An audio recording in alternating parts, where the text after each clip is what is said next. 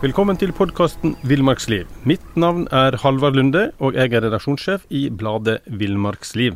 Og mitt navn er Knut Brevik, og jeg er redaktør i bladene Villmarksliv, Jakt og Alt om fiske.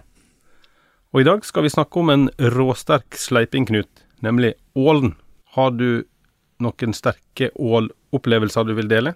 Ja, og det er jo nesten litt flaut å si det, men de beste av dem er faktisk knytta til mat. Altså, jeg syns fremdeles røkt ål er noe av det aller beste jeg har smakt.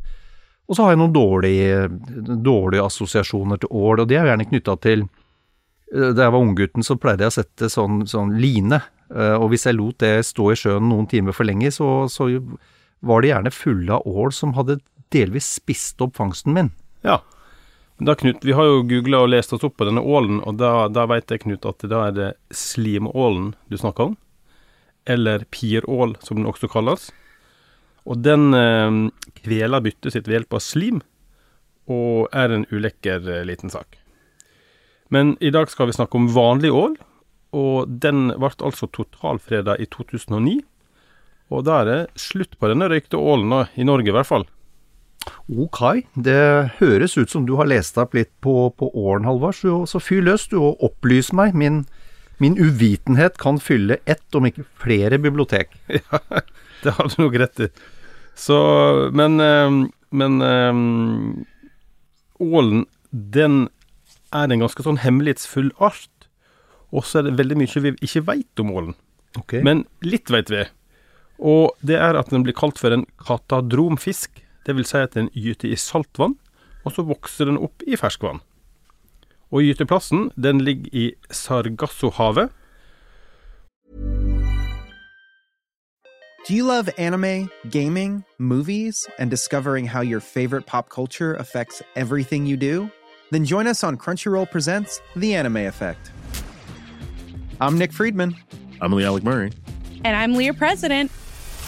Every week, you can listen in while we break down the latest pop culture news and dish on what new releases we can't get enough of. Whether you love movies, I'm going to tell you all about the uh, hopeful 4K re release of Tron Legacy that happens. I'm right there with you. Or music. The music in this show Yeah. is absolutely incredible. Or anime. And under this mask is another mask. you can discover your new favorites right here on The Anime Effect. Listen every Friday wherever you get your podcasts and watch full video episodes on Crunchyroll or on the Crunchyroll YouTube channel. Everybody in your crew identifies as either Big Mac Burger, McNuggets, or McCrispy Sandwich. But you're the filet fish Sandwich all day. That crispy fish, that savory tartar sauce, that melty cheese, that pillowy bun. Yeah, you get it. Every time. And if you love the filet of fish, right now you can catch two of the classics you love for just $6. Limited time only. Price and participation may vary. Cannot be combined with any other offer. Single item at regular price. Ba-da-ba-ba-ba. Og det er altså en del av Atlanterhavet som ligger, hvis du er god i geografi, Knut, litt nordøst for Cuba og Bahamas. Og da er vi vel i praksis litt sånn på østkysten av USA, da. Mm, ja, mm. ja. Og der finner du ut Eller det havet der, da, det er mye saltere enn andre hav. Og lenge så trodde en at eh, det var ingenting som kunne leve her, da. Men ålen, han trives. Og eh, selv om ingen har sett den gyte, faktisk, så er det det den gjør, ned på en sånn 100-300 meters dyp i da Sargassohavet. Og det fantastiske her er at disse her ålelarvene da, de driver tilbake til oss med havstrømmen. Og når de, eh, når de ankommer våre farvann, så er de ca. 7-8 cm lange og, og ca. halvannet år gamle. Ok. Og så Og det er fantastisk, Knut, vet du, for den avstanden er jo en 600-700 mil, vel, vet du. Ja, det er, det, det er et stykke, altså. det er et stykke å svømme. Det er et stykke å drive òg. drive òg. Også når de kommer inn til kysten vår, da, så blir de forvandla til det som heter glassål. Og så vandrer de opp elvene våre, og når de kommer opp i elvene, så skjer det en forvandling til. Da blir det til gul ål. Og det er ganske enkelt fordi at da får den en sånn mørkebrun eh, rygg og en gul underside.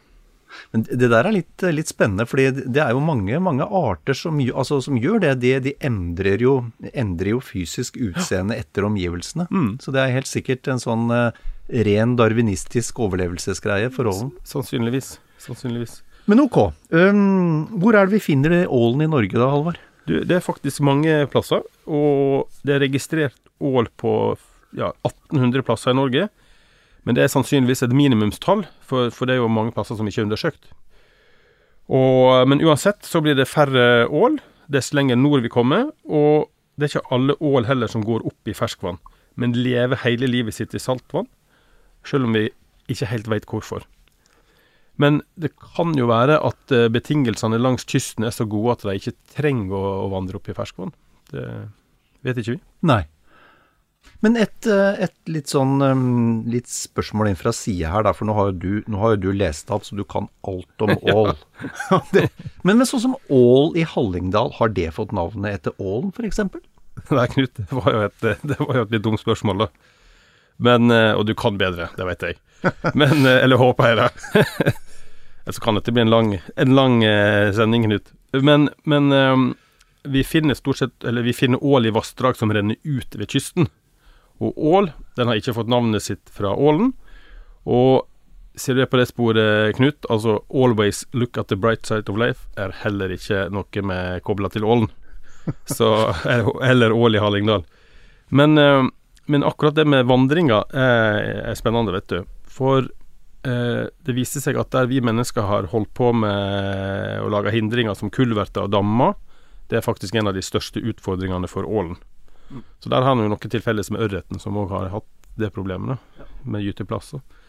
Men den er rå til å ta seg fram, øh, og den vandrer til og med korte strekninger over land, hvis den må. Det har jeg faktisk hørt. Ja. Eh, det skal eh, Altså, er det bare litt fuktig i gresset, så kommer den seg eh, greit over land nå, ja. Ja, det er fantastisk.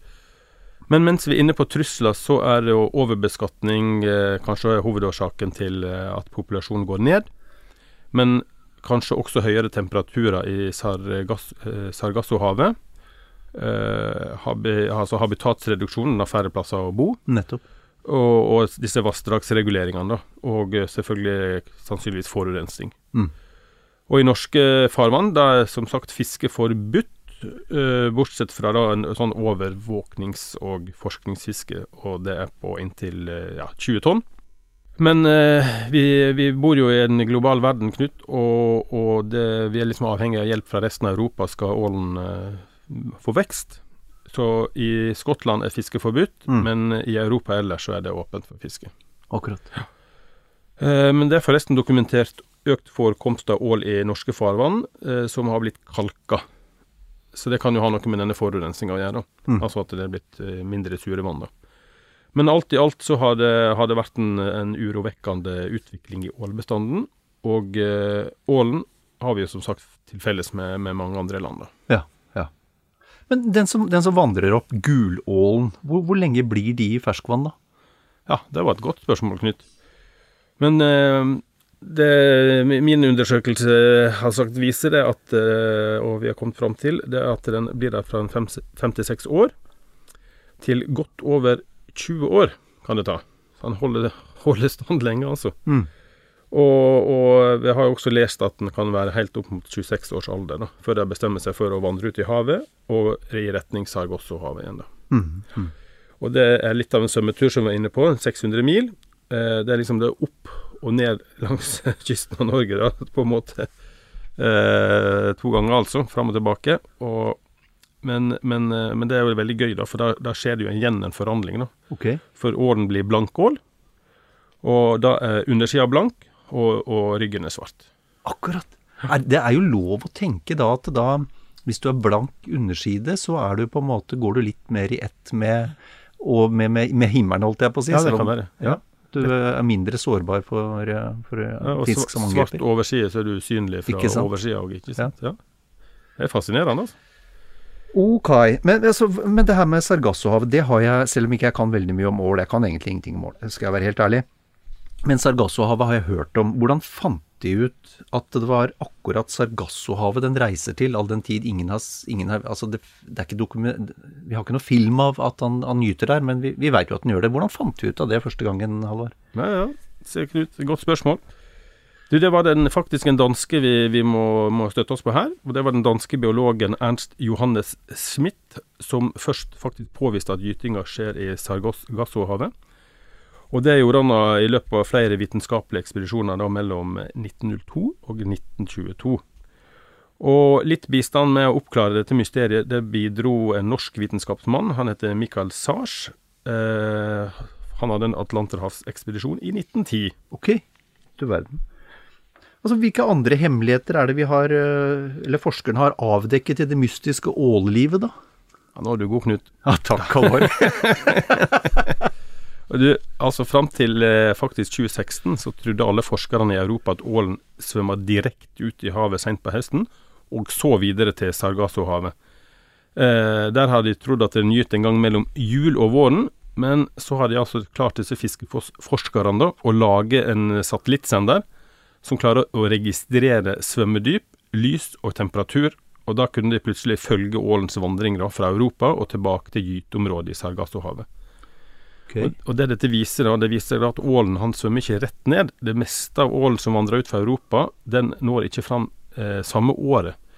Den gyter faktisk året etter. Okay. Det, og dette var ny kunnskap som var viktig for forskerne og alle som skal da forvalte bestanden. Ålen er som sagt den er kritisk trua, og for å, for å vite hva den skal gjøre, så må han jo ha nøyaktig kunnskap om, om faktisk hvordan den eh, lever livet sitt. Naturligvis. Noe annet snadder du kan by på da, Halvard, for denne, for denne praten snor seg mot slutten? Ja, si det. Du, eh, en morsom ting her er at hundålen kan bli en skikkelig sånn matrone på opptil halvannen meter, altså. Det, og, og faktisk veie en 12-13 kilo. Mens eh, gubben, gubbeål, herr Aalb han blir bare rundt en halvmeter. Så, så her er det fruen som bestemmer, Knut. Er det ikke alltid det, Halvor? Ja. vi, vi får si det. Takk for praten. Takk for en ålreit prat, Halvor! Ja, den var bedre.